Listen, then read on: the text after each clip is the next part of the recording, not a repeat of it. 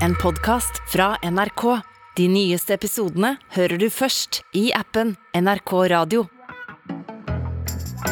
Livet er grusomt, og det er fantastisk, og det er begge deler.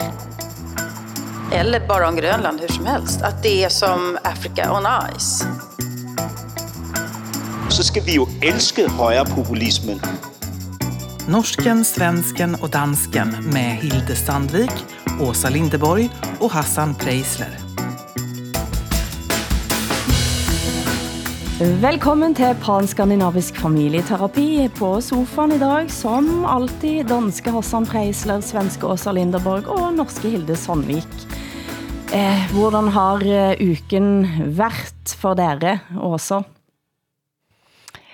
Eh, nej, det är, I Sverige så går vi och väntar på en ny regering. Eh, nu när vi spelar in det här så är det ändå inte klart. Men det krånglar väldigt mycket mellan Sverigedemokraterna och Liberalerna. Så att det verkar inte som att Ulf Kristersson kan lägga fram något förslag där han har sagt att han ska göra det på regering.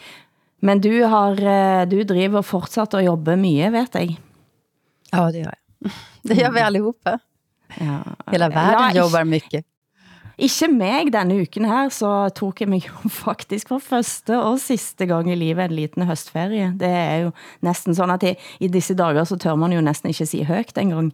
Men Eh, man har en- är du någonstans i världen? Ah, det er, jeg er i syden. Jeg vurderte Syden? faktisk... Hvor ligger det Eh, någonstans? Syden, det er det store landet i syd, der nordmænd rejser når skal Danmark. have sol. Det er Danmark. Danmark, det er Danmark. Er du i Danmark? jeg- Du har ikke jeg- ringet til mig. jeg, jeg, jeg vurderte jo faktisk at, at, at ta med mig en helt uh, tilfældig danske og svenske, som lå på siden av mig i solsengene, uh, og lage en egen specialsending. Nej, då skulle vi säga nej. Stopp och belägg. Hassan och jag skulle bli otroligt. men du får- Alltså, vi är inte utbytbara, Hilde. Du jag- alvor i syden. Altså, Jeg du på alvor- rigtig, så du har fløjet i en flyvemaskine. øh, Ja, det er derfor jeg næsten ikke tør snakke højt om det, men jeg tænker, når verden er sådan den er nå, så må man ta de små øjeblik av glæde, som man kan. Hvordan går det med dig, Hassan? Ja, hvad skal jeg sige? Der er udskrevet valg i Danmark, og det betyder jo, at man skal kigge meget på politikerne på tv, og man hører dem i radioen og ser dem på avisernes forsider. Og det kan være en hård omgang at skulle øh, blive konfronteret med sine magthaver så ofte øh, og frekvent, som man bliver lige nu. ja. Ni har ju 25 miljoner partier i, i parlamentet också, så det måste vara väldigt många partiledarutfrågningar och sådär. Vi har, vi har mange partiledere, som gerne vil udtale sig om alting mm. lige nu, ikke?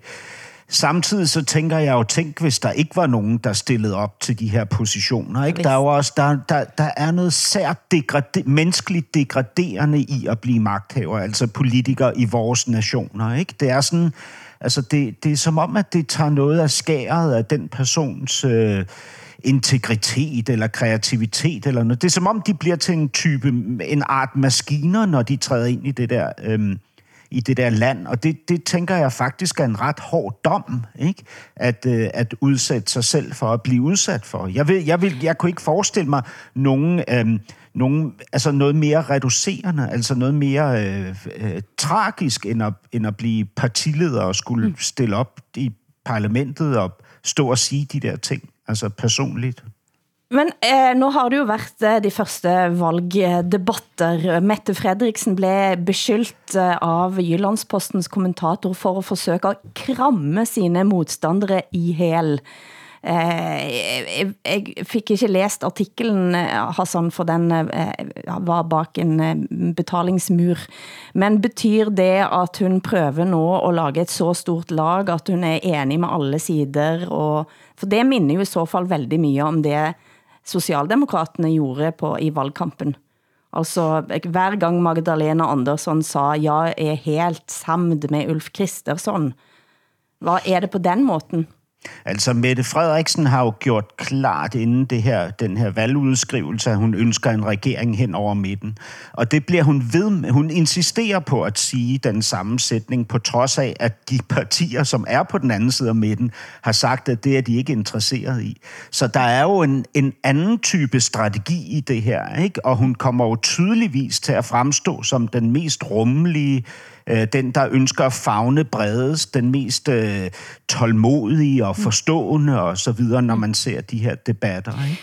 Men har hun egentlig reell opposition? Altså Søren Pape, som vi har snakket om flere gange, eh, skulle jo op og være den, som eh, skulle være det troværdige alternativ. Men hvad har egentlig skett med han? Måste, säga, måste förklara för svenska lyssnare alltså att eh, eh, statsministerkandidaten som står emot Mette Fredriksson, han, är, han heter Søren Pape. Han är konservativ. Ja, og, og i øvrigt tidligere justitsminister i en, i en borgerlig regering. Ikke? I Løkke-regeringen. Och Ja. han, har, han har lite problem därför att hans man har... Eksman. Hans exman nu har Ja. råkat ut för an anklagelser om eh, korruption och sådana saker. Var det inte så?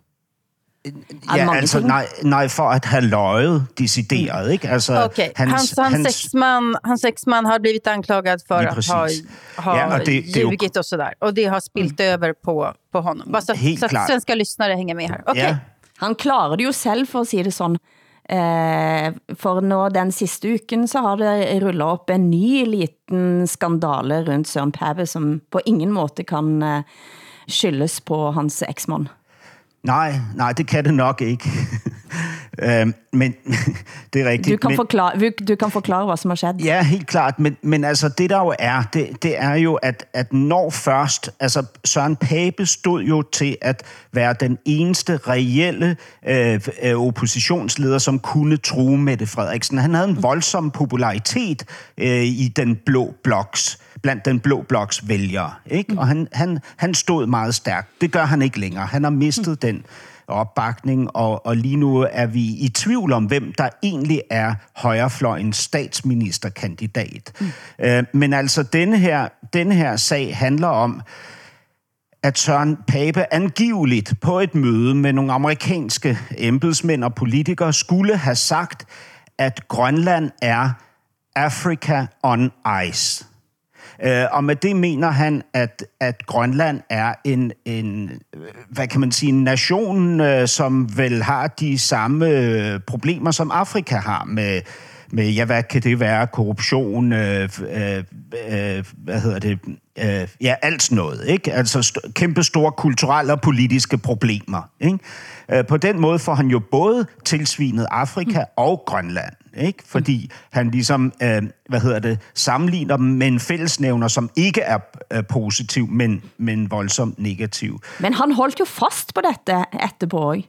Ja, nej, altså han holdt fast i at sige, at der i Grønland er alvorlige problemer med incest og, overgreb og så videre, ikke? Øh, og, og, og alko, alkoholisme og sådan noget, ikke? Og, øh, det har han absolut holdt fast i, men han har jo givet en decideret undskyldning til Grønland og grønlænderne for den udtalelse, som han siger er alt for voldsom og alt for hård, ikke? Men vad Ehm. spelar... Jag, jag blir så nyfiken då. Eh, jag frågar här som, en- som en okunnig person. Mhm. Eh, vad har Grönland eh, för betydelse i den här valrörelsen? Har, kan Grön, de som bor i Grönland kan väl inte stämma, alltså rösta för parlamentet i Danmark? Liksom? Eller är det så? Nej, der sidder jo øh, i vores parlament repræsentanter for, den, for Grønland og Færøerne. Ja, og de kan, de kan jo stemme, ligesom alle mm. andre. Vi har en tradition for, at de ikke blander sig i den, i den danske valgkamp. Ikke? Men det har de gjort, eh, Hassan, for det, det, Ja. har jeg, det har jeg faktisk, altså så sent som i 2015, Ja. så var det sådan, at de to repræsentanterne fra Grønland og de to repræsentanterne fra Færøerne eh, var i, på helt på vippen for at kunne ændre udfaldet i det danske valget. Mm-hmm. Eh, og det i 1998 gjorde de det faktisk. Det var det de stemmene som faktisk eh, tippa eh, valgresultatet i en anden retning. Mm. Eh, og det har ført til blandt andet, at det er en eh, repræsentant fra Grønland i år, som har eh, foreslået, at man skal afvikle den ordningen, fordi han mente, at eh, dette dette er jo ikke helt retfærdigt, at det er fire repræsentanter skal, skal kunne sitte med den potentielle magten. Men han har ikke fået gehør eh, fra nogen andre politikere i Grønland eller Færøerne for den del. Men- men Så de er jo- har faktisk reel, reel eh, mulighed. Helt klart, og det er jo en, en, altså det er en uformel aftale, det her, ikke? Fordi de har jo deres stemmeret øh, i forhold til alle, alt, alt, hvad der kommer op i parlamentet, fordi de sidder i parlamentet, ikke?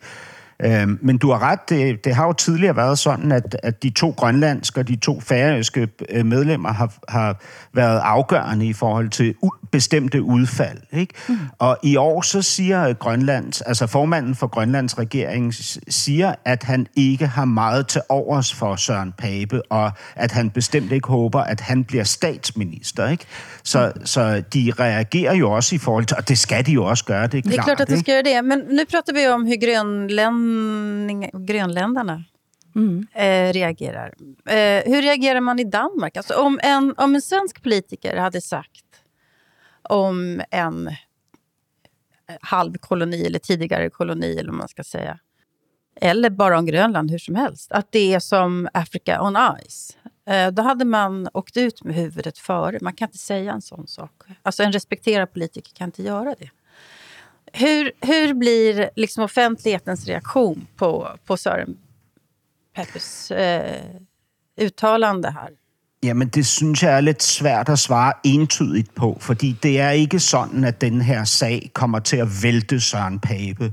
men denne, men Nej. denne her sag, sammen med, med en masse andre sager, kan på et tidspunkt meget snart blive mm. rigtig øh, øh, alvorlig for Søren Pape, fordi det viser ligesom samlet set, at han mangler dømmekraft. Ikke? Altså også i forhold til sin eksmand. Ikke?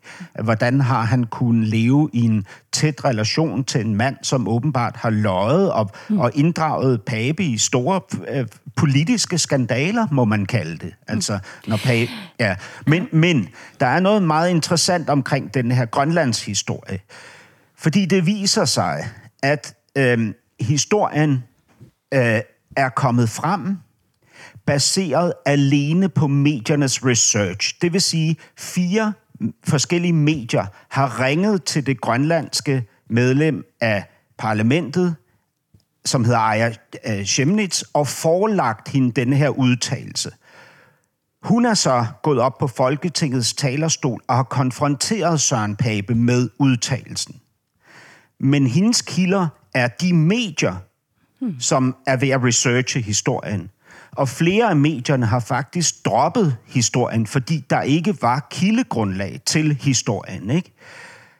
Ekstrabladet har valgt at nævne, at øh, Aya Chemnitz gik op på Folketingets talerstol og konfronterede Søren Pape med udtalelsen.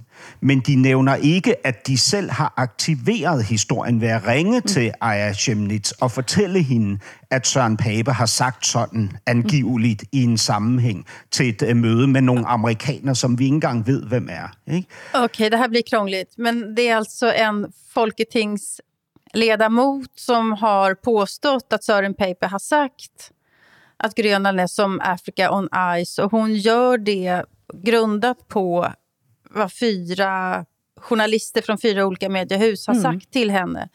Ja. Eh, men förnekar Søren Pape själv att han har sagt det här? Ja, men Nej. då, så då fattar jag inte vad är problemet här. Jamen, Han har problemet väl sagt det då? problemet er jo, at man, at man ikke forstår historiens oprindelse. Mm. Altså, vi aner ikke... Altså, det man jo får en klar mistanke om, selvfølgelig, eller som jeg får en klar mistanke om, mm. det er, at den her historie er placeret hos fire medier. Og de så kontakter det her grønlandske parlamentsmedlem, som så stiller sig op på Folketingets talerstol, mm. konfronterer Søren Pape, ja. og dermed har medierne en historie, de kan skrive om. Fordi uden at de havde plantet historien mm. hos det grønlandske parlamentsmedlem, så kunne de ikke have skrevet historien, fordi der ikke var kildemateriale nok. Men jag ikke? förstår den här kvinnan i, i talarstolen faktiskt. Som hon har fyra av varandra oberoende journalister som påstår. For mig er problemet mediernes ageren i den her sammenhæng. Ikke? Fordi hvis de viser sig ikke at have kildemateriale nok til at producere historien, og de først skal ak- aktivere, altså provokere en politiker mm. til at at frembringe historien for at få en reaktion, så er vi altså ude i noget, en besynderlig form for Men journalistik. det, det, det kan jag min hålla med om. Jag kan också förstå den där uh, Ja, men det er ikke det som er problemet. Altså, det, jeg tænker at dette er dansk politisk spin på klassisk eh, maner. Eh, men, men altså, jeg må jo indrømme også, at jeg så, jeg så beklagelsen til Søren Pape. Eh, og det er det kanskje den mest passiv-aggressive undskyldningen jeg har hørt nogen Ja. gang. Altså, han var så rasende Eh, og han klarer altså både at sige undskyld, og samtidig som han peker ret på Mette Frederiksen, som han ber eh, om at komme med en undskyldning om noget andet. Undskyld til Grønland og grønlændere, fordi jeg sagde noget meget firkantet. Det burde jeg ikke have gjort. Mette Frederiksen, kameraet er der. Værsgo at sige undskyld til de minkavlere, der har mistet hele deres erhverv og hele deres liv. Og til skatteyderne, der har tabt 19 milliarder kroner. Det er lige der. Ja, og jeg synes, det kom frem til at fremstå utrolig uheldigt, altså ja. da, da han gjorde det, ikke? Fordi han virkede fuldstændig uinteresseret i grønlænderne.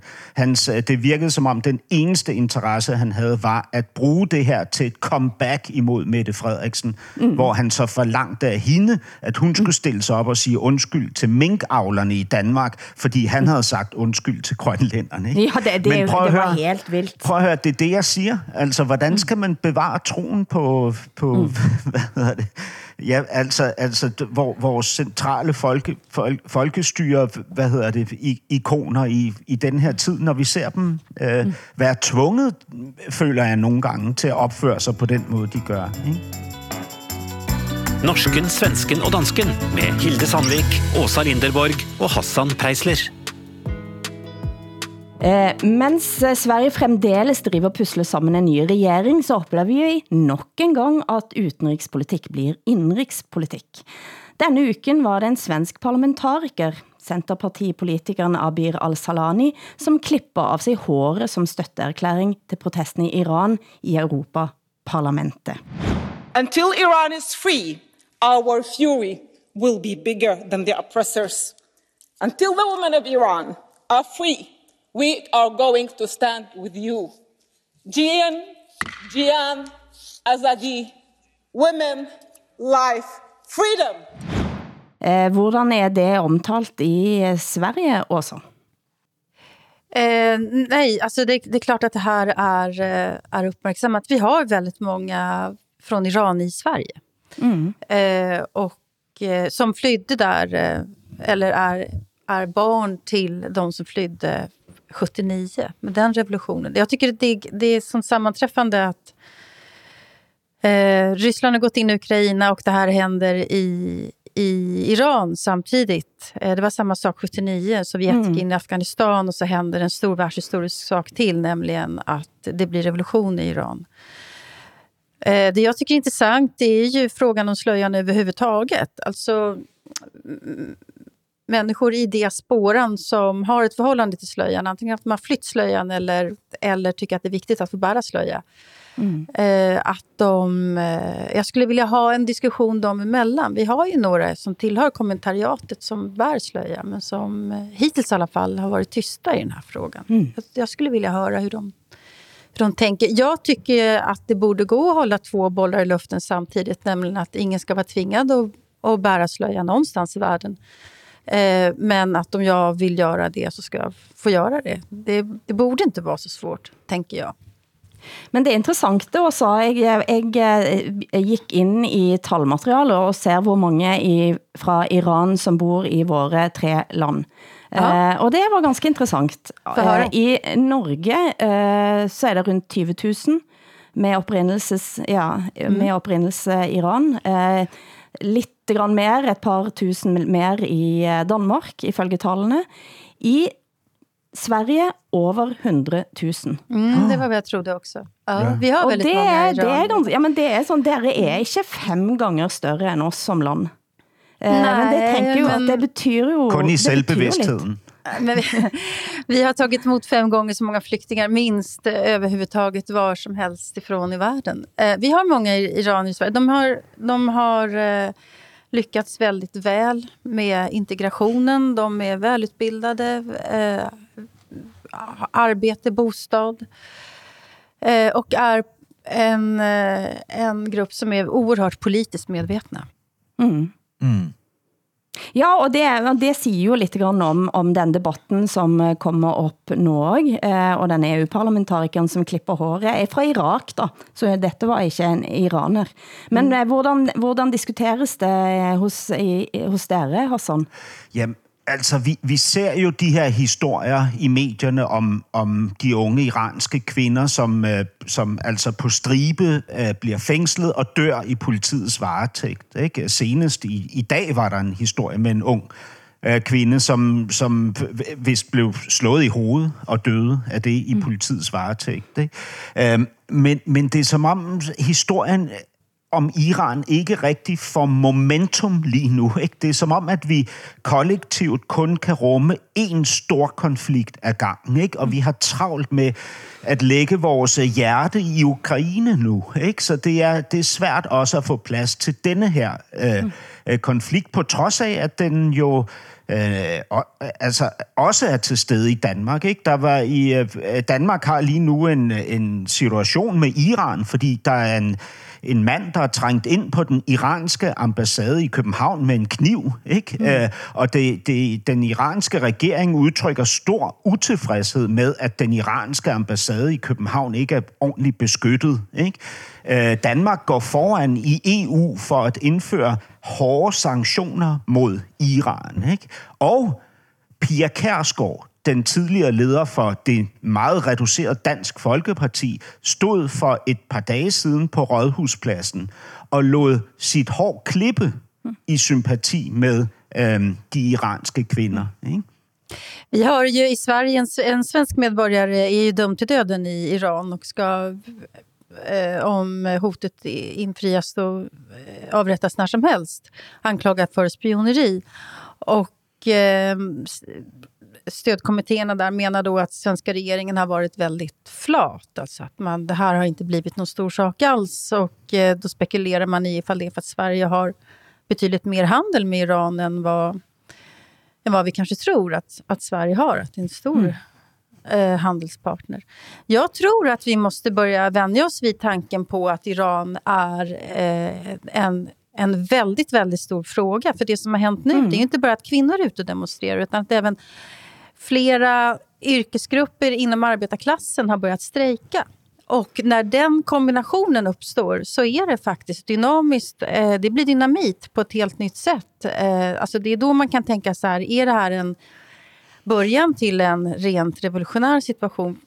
Alltså, även män i Iran blir haffade av moralpolisen. Det är inte bara kvinnor som inte får se ut som de vill, utan även män eh, kan bli tagna moralpolisen om de har fel frisyr, fel sorts byxor. Mm. Det är ingen som gillar den här moralpolisen och det är väldigt många män som tycker att kvinnan har rätt att kasta sin slöja. Detta kombination med övrig kritik mot den här regeringen, eller regimen man ska kalla det för. Det er en ja. jättegrej, det som händer men, i Iran nu. Men, men spørgsmålet bliver jo også efterhånden, hvor, hvor moralske vi kan tillade os at være i forhold til øh, forsyningen øh, til øh, Europa. Ikke? Mm. Altså nu ligger øh, øh, Biden i, i konflikt med kronprinsen i Saudi-Arabien, fordi ah. han har skruet ned for oliehanerne. Ikke? Øh, samtidig så er der opstået en lækage på, på, på olieleverancen fra Rusland til Polen. Ikke? Altså der, der er simpelthen et hul på den ledning. Ikke? Og nu går oliearbejderne i Iran så i strejke ja. også. Ikke? Hvad kommer det til at have konsekvenser, mm, og hvor mm. ofte kan vi gå ind i forhold til de her slyngelstater og forlange, at de skal leve op til vores moral, hvis de så også kan bestemme, at vi skal sidde og fryse hele vinteren? Ikke? Jeg vil i alle fall sige, at for min del, det å, å, å stille sig 100% i bak de kvinder, som eh, også er kommet til Vesten, eh, som kæmper for sig og sine søstres ret til å gå med håret fritt, oh, eller hvordan måtte Gud, være. Altså den, den støtten der, altså den kan jeg jo gå til krigen i, med. Eh, eh, og i Norge så er det for eksempel en, en eh, kvinde som heter Mina Bai, eh, som flygter selv fra Iran, har bodd i Norge længe, som er en av de vigtigste kildene til at forstå, hvad det er, som sker med både hennes medsøstre og, og hvad som sker også i Norge. Eh, hun har de sidste ukene været pådriver for at få frem historien om en iransk student, som har kommet til Norge, og som viser sig at være eh, poste grusomme eh, misogynistiske videoer på net. Han poserer med nazi-symboler. Han er en, altså, han, han er en av de mændene, som, eh, som virkelig er en trussel mot de iranske kvinderne. Eh, og fordi at Mina både kan oversætte det, han siger på sine videoer, eh, og fordi at den blir gjort opmærksom på, hvad det er, som sker, så er det nu tatt affære. Og denne mannen er nå eh, anmeldt. Eh, og jeg tænker også at det, og ja, en ting, Hassan, at man ikke nødvendigvis skal bruge, sitte på sin moralske hest og, og, og piske andre land til at gøre som, som vi vil i hermetegn. Men at stille sig 100% bak og støtte de eh, demokratisk, altså de som ønsker demokrati, eller de som ønsker sin egen frihed, det har jeg ingen som helst problem med. Og, og da synes jeg næsten det blir... Eh, ja, det blir lidt kynisk at sige, at det skal de bare få, det må de fikse selv. Det, det, er der ikke, det er der ikke nogen, der siger. Jeg siger bare, at, at man kan jo, øh, vi kan jo hurtigt ende i en situation, hvor vi bliver mm. nødt til at beslutte, hvem vi vil stille os bag. Fordi mm.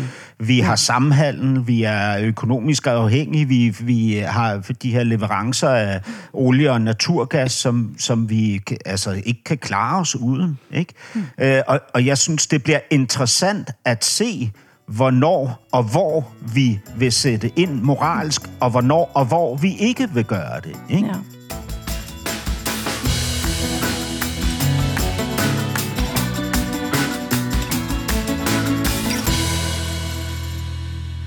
Hvordan påvirker det folks eh, tilfredshed med demokratiet, at højrepopulistiske partier får indflydelse?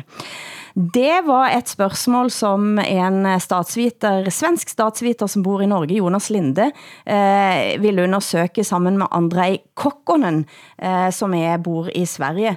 Eh, de stilte altså spørgsmålet om, eh, hvad gør, altså kan den altså polariseringen eh, føre til at, eh, polit, at folk mister tillit til politikken? Og det er et projekt, de startede for mange år siden, fasiten er, at i land, der højrepopulistiske partier får en vis indflydelse, så går tilliten til politikken op. Synes du det var overraskende også? Nej, jag tycker inte det. Eh, jag har ju själv ägnat så många år att liksom studera populism och jag tycker att det är ganska självklart.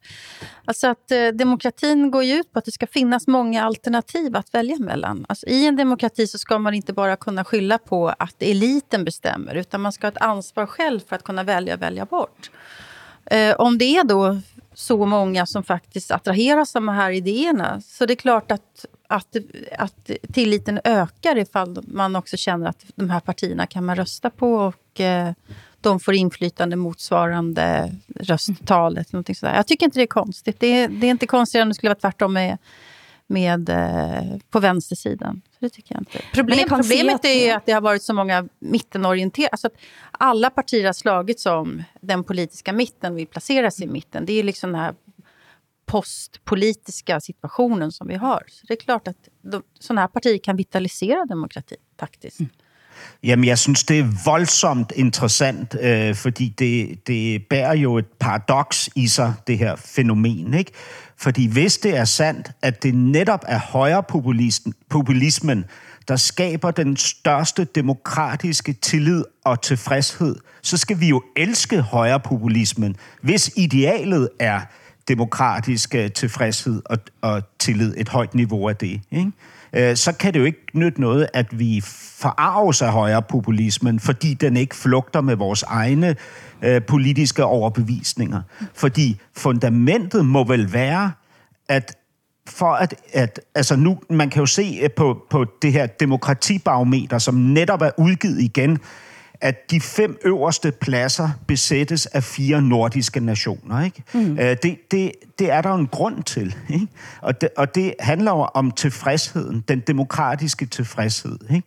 Og, og, og hvis det er sådan, at den netop præcist og specifikt knytter sig til tilstedeværelsen af højre populisme, så vil jeg sige, så skal vi knus elske højre populismen.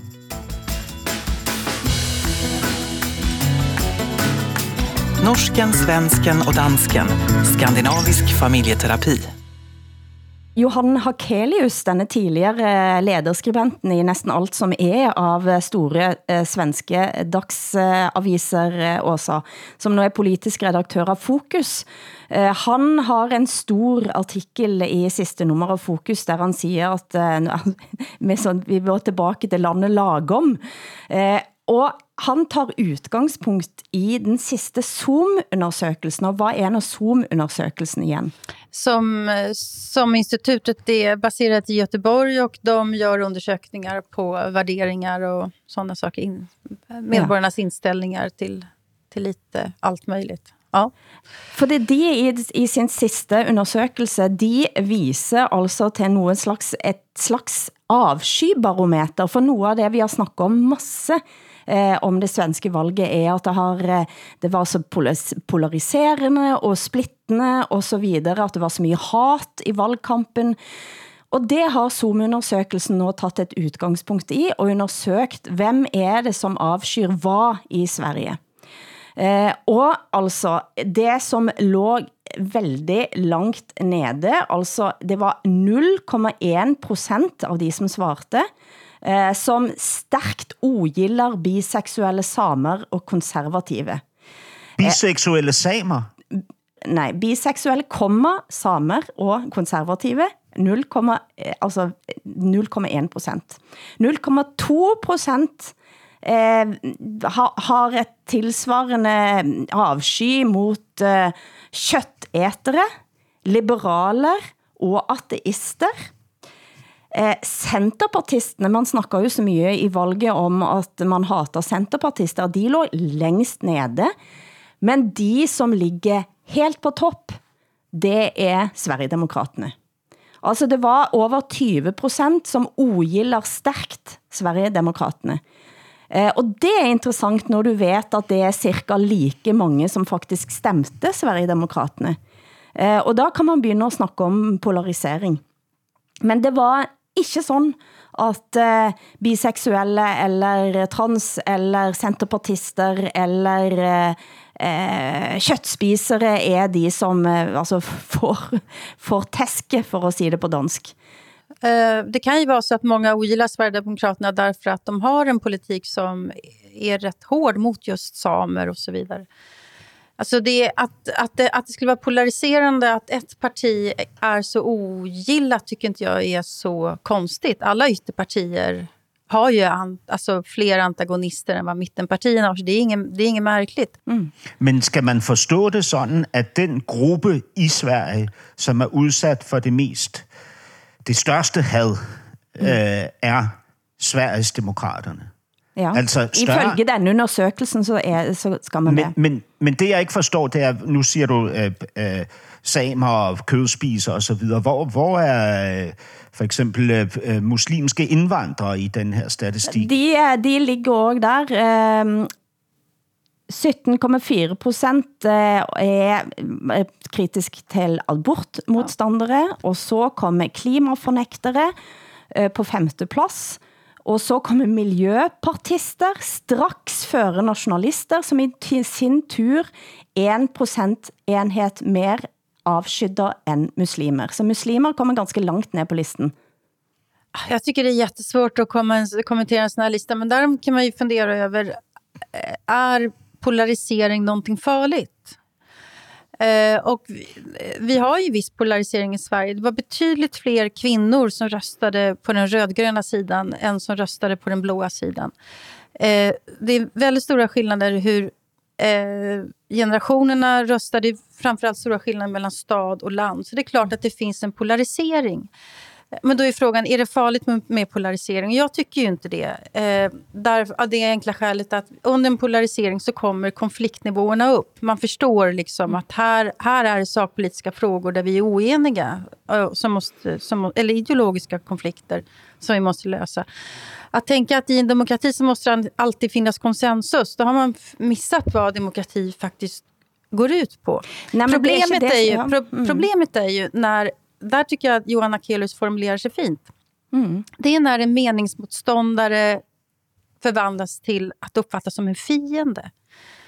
Eh, då har vi en aggression mm. i politiken som, som inte alltså, som Sverige inte borde ha det enkla skälet för att Sverige är lite väl fungerande för att, för att det ska behöva finnas sådana aggressioner.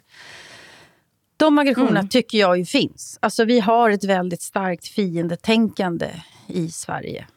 I förhållande till Sveriges demokrater? I förhållande till alla. Alltså, det, är inte så, det är inte så att högern älskar vänstern precis. Det är inte så att det här är, att det här är en kommunikation, att det är bara en grupp som hatar. Det funkar faktiskt inte så här, utan det är väldiga motsättningar.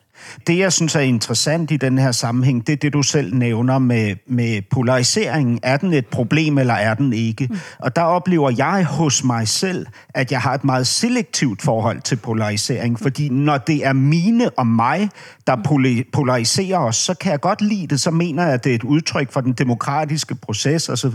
Men når de andre polariserer sig, så mener jeg, at det er en trussel mod sammenhængskraften. Ikke? Og det er der, jeg mener, at, at forvirringen opstår. Mm. Ikke? Fordi ja. elsker vi polarisering, eller hader vi den? Gør den os tryg eller utryg? Ikke? Og det vilde ved den her undersøgelse, som hele det her emne startede med, ikke? er jo, at det faktisk viser sig, at netop pol- den politiske polarisering skaber stor, stor tillid til demokratiet. Mm, men det, det håller jag ju med om. Och det, det också mm. en av tanketrådarna i en bok som jag skrivit om populism. Att initialt sett i alla fall så vitaliserar högerpopulismen mm. demokratin. Därför att i en demokrati så ska det finnas många olika alternativ att välja mellan. Man ska kunna välja och välja bort. Och så har det inte varit under väldigt många år därför att alla partier har legat i mitten. Och då, då tappar folk tilltron till demokratin.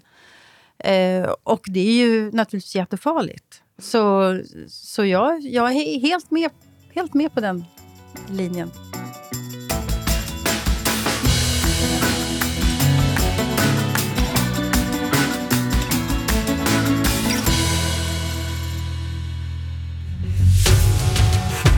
Og det er værsdagen for psykisk helse i dag. Dagen vært markert i 150 land, og i år er temaet Løft blikket og tar for seg ensemd og utenforskap. Det har eh, vært altså verdensdagen for psykisk helse denne uken, når man snakker om psykisk helse eh, i samtlige av våre land her. Mm. En ny studie viser at næsten hver anden ung i Danmark er ramt av mistrivsel. Hassan, det er ganske mye. Ja, og, og den her undersøgelse illustrerer, at der ligesom er tre punkter, som de unge øh, angiveligt lader sig påvirke voldsomt af. Øh, det første hedder acceleration, altså tempoet, som de ligesom skal fungere ved. Det andet er præstationen. De skal præstere mere og mere, øh, og de har selv mere fokus på at skulle præ øh, præstere. Men det tredje punkt, som interesserer mig mest, og som jeg ikke har set skildret før, det hedder psykologisering. Mm. Altså, at de unge opsøger psykologiske forklaringer på, hvorfor noget er, som det er. Øh, og det, det er, er jo, hvad hedder det, noget, der kan hjælpe de unge til at forstå og håndtere det virvar af tanker og følelser og ansvar og beslutninger, de går ved. Men det kan altså også resultere i en kraftigt selvmonotorerende, selvkritisk og selvdisciplinerende aktivitet, mm. ikke, som virkelig kan øge mistrivelsen. Mm. Og her der føler jeg mig truffet som far. Ikke? Ja. Fordi jeg har lært min datter at psykologisere. Ikke? Jeg har lært hende at analysere sig selv og andre mennesker i enhver given situation. Ikke? Og det kommer hende til fordel, men jeg fornemmer jo lige præcis det her øh, problem. Ja. Ikke? Jag har också försökt göra det. Min dotter har till och med blivit psykolog. Eh, ja. så att, men, eh, men jag tycker att det är... Jag, jag tycker att det är ganska intressant för att när jag växte upp på 70-talet så var psykisk ohälsa väldigt stigmatiserat. Jag kommer ihåg när min kusin blev psykiskt sjuk och hamnade på institution. Hur, att det var ingenting man skulle berätta. Det var någonting mm. väldigt skamligt eh, och fult och så. Idag pratar man om psykisk ohälsa på ett helt nytt sätt och det är en fantastisk eh, milstolpe. Men jag tänker också från den vänstertradition som jag kommer ifrån, den här marxistiska, socialistiska traditionen. Där var inte, alltså att psykologisera var någonting borgerligt. Det skulle man mm. inte göra, utan det fanns alltid bara socioekonomiska förklaringar till allting.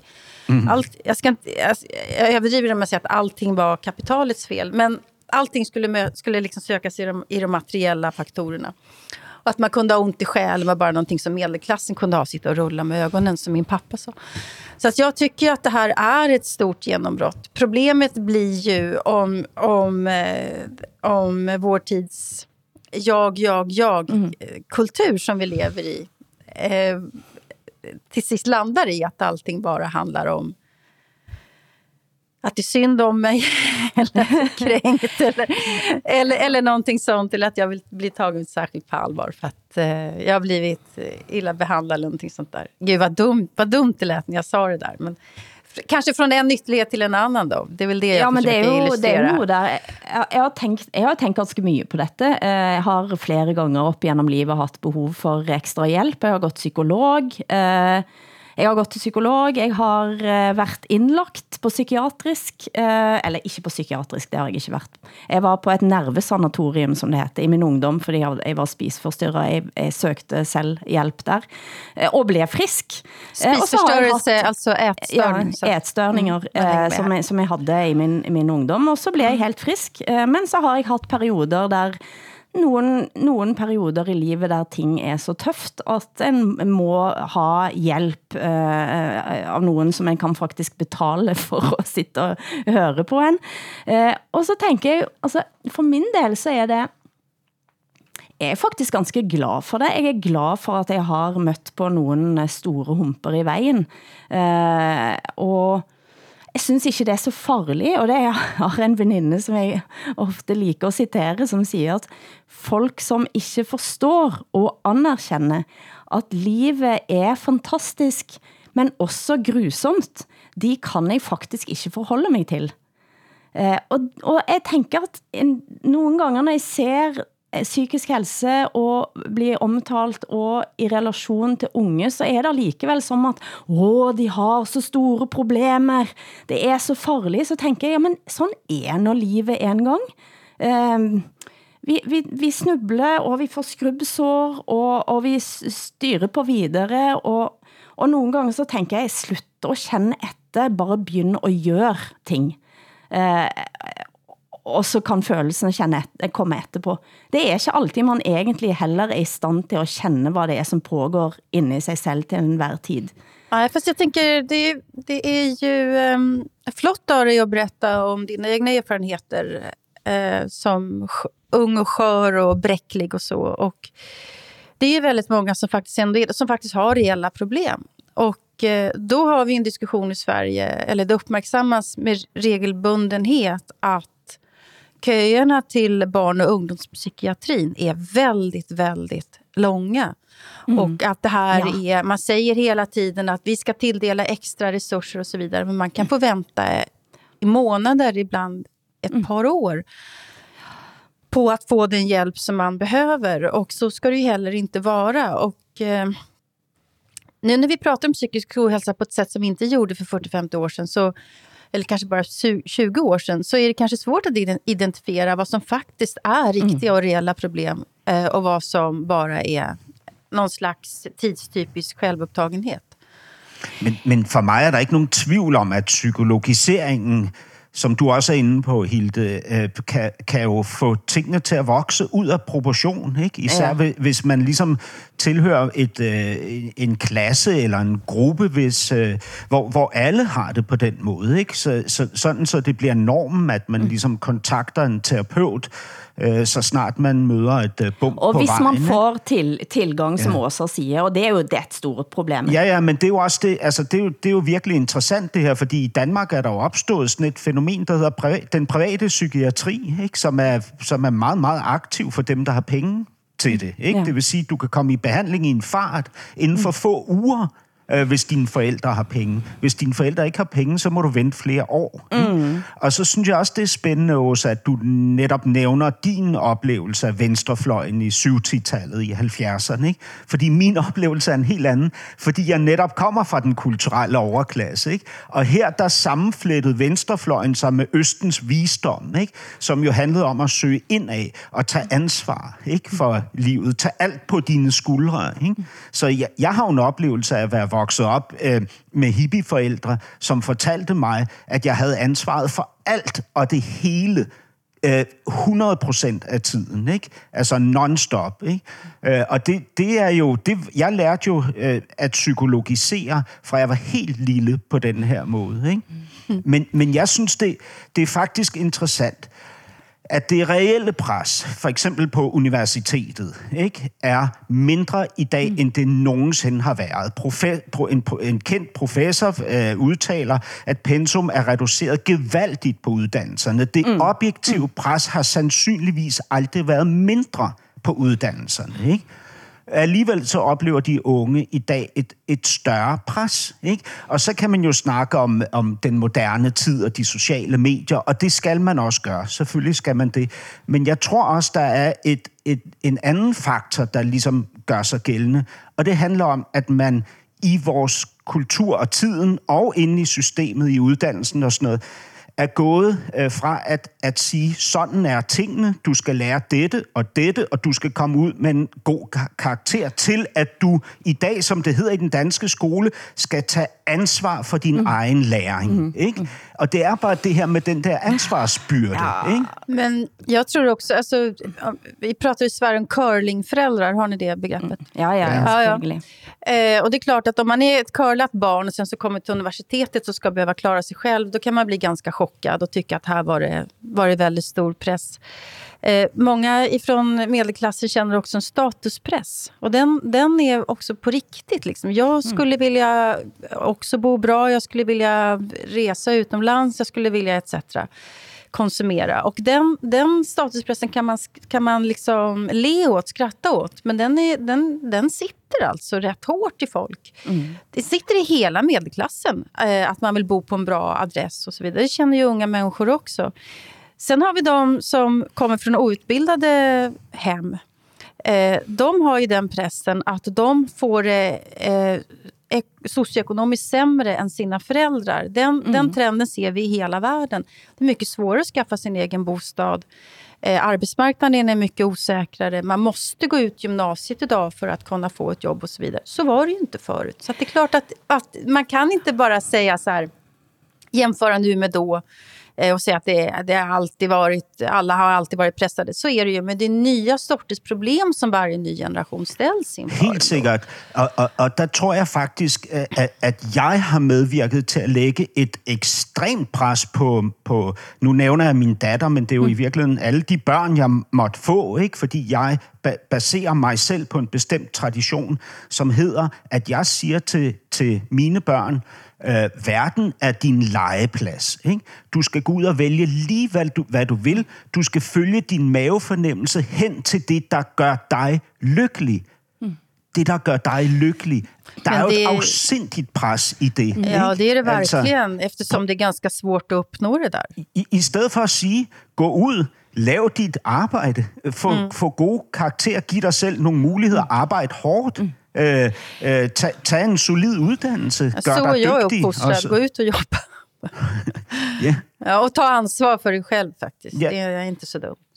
Men øh, det er, altså, hvordan, det er der, men det er derfor jeg tænker og har tænkt veldig ofte, at når vi snakker om retselen vår for at barn, eh, barna våre ikke skal ha det bra i en periode, jeg er veldig glad for at jeg ikke har haft det bra hele tiden. Det, det må jeg bare sige. Er, er på, og, og det kan man sige, når man har overlevet noget, som er tøft.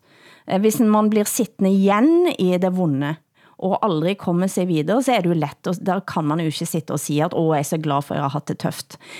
Jeg mener faktisk helt genuint, at eh, det er en fordel for oss i ung alder at opleve modstand eh, og snuble och slå jo, det, sig. Jag tycker ju också att jag har varit med om en del grejer. Men alltså, ja, det beror väl på vad man menar.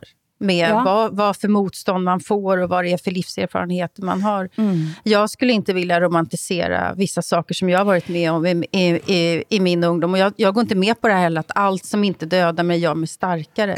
jag har varit med om saker i mitt liv som jag önskar att jag aldrig mm. någonsin skulle behöva vara med om. Och det kommer att hända fler saker i mitt liv som jag inte skulle vilja vara med om. Så, men, det, jag ja. tror heller inte att, att det finns människor, unga människor som aldrig har stött på ett problem. De mm. barnen känner vi i så fall inte. De har, de har sina hemligheter och håligheter och dysfunktionella erfarenheter hemifrån som vi inte har en aning om. Men Hilde, du illustrerer jo også et paradoks, ikke? Fordi du, øh, øh, altså, som jeg hørte, så, så blev du jo frisk og rask igen øh, med hjælp fra det behandlersamfund, mm. som du netop øh, også kritiserer. Ikke? Nej, men jeg kritiserer ikke behandlersamfundet. Uh, det, da har jeg, da har jeg ut, uh, uttalt mig. Jeg, jeg, jeg siger bare, at uh, nogle gange i livet, så har man behov for ekstra hjælp. Uh, Eh, og da er jeg helt enig med Åsa i, at den store, eh, den store byrden nå er, at veldig mange ikke får eh, tilgang på behandling. Så jeg kritiserer ikke behandlingssystemet. Men det, men det jeg tænker er, at jeg vil ønske at kunne avmystificere, hvad det er at, at ha det vondt. Fordi jeg tror at, som, jeg, som igen sa, livet er grusomt, og det er fantastisk, og det er begge deler. Eh, og der er mange måter at, at leve igennem og leve i det grusomme. Eh, det er det, jeg ønsker, det er bare det, jeg ønsker at sige.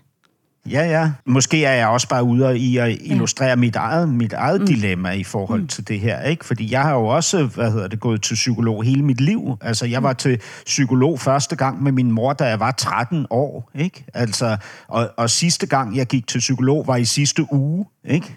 Altså, så, så det har jo været en del af, af mit, mit liv, altså altid, ikke? Mm. Altid. Men, men og, og derfor gør det det meget svært for mig at reflektere øh, over det i dybden. Men nogle gange, for eksempel når jeg læser den her undersøgelse, så får jeg et chok, ikke? fordi jeg tænker, shit mand, mm. måske var jeg ikke en del af løsningen, men en del af problemet. Du lytter til Norsken, Svensken og Dansken.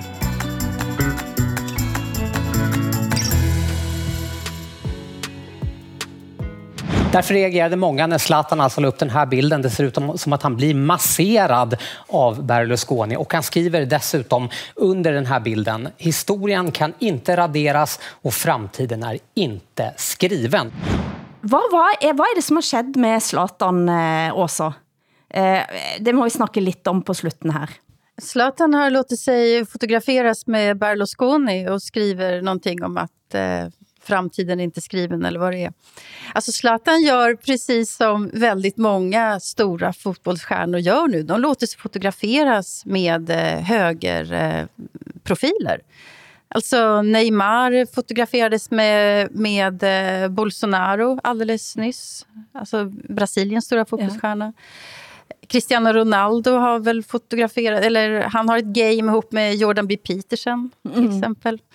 Det som är så speciellt med Zlatan här det är ju att han har varit någon slags integrationspolitisk symbol. Och Sverigedemokraternas eh, Mattias Karlsson, deras eh, chefsideolog, har ju sagt att Zlatan är inte svensk. Liksom. Ja, det huskar jag. Och sen ja. så krokar han arm med en högerpopulist som Berlusconi. Men jag ska också säga, Berlusconi har ju väldigt stark, eller jag tror han äger väl Milan där Zlatan spelar. Mm. Så att det, ja, jag vet inte vad man ska dra för slutsatser det här mer än att History Zlatan cannot be erased.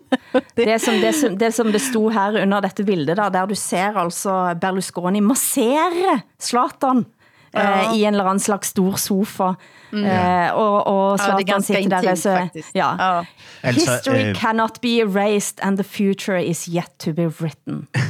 stod det. Ja, her Berlusconi, som netop har udtalt, øh, at, øh, at, øh, at Rusland sådan set blev tvunget til at invadere Ukraine. Mm. Ikke? Øhm, bare lige for at korrigere, øhm, han er altså ikke ejer af AC Milan. Han solgte AC Milan i 2016 til kineserne. Ja. Det stämmer, ja. Det är riktigt. Det är riktigt. Ja. Men det, det han er nå er at han er partileder av Forza Italia, dette Heia Italia-laget, og de er selvfølgelig midt inne i en uh, regeringsdannelse i Italia også, så det er jo interessant. Men Zlatan er Zlatan, som det heter. Zlatan är Zlatan. Och jag funderar ju över mig själv, så hur stort tålamod ska jag ha med den här mannen? Det kan jag ju undra. Jag har ju varit otroligt svag för Zlatan.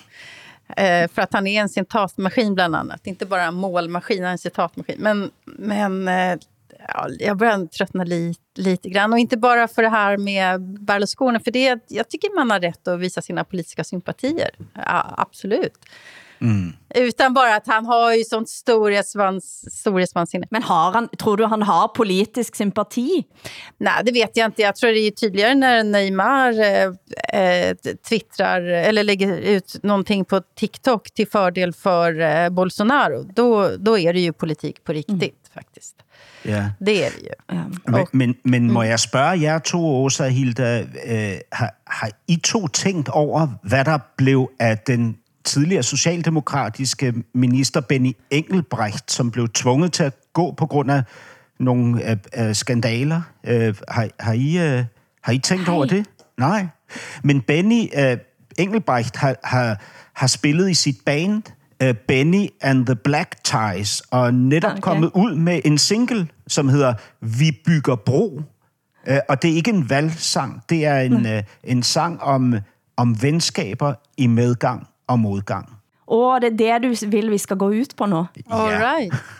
ah, er det ikke en uh, vakker ironi i at den tidligere transportminister som mister tilliten nå vil bygge broer, musikalsk, men dog. Vi bygger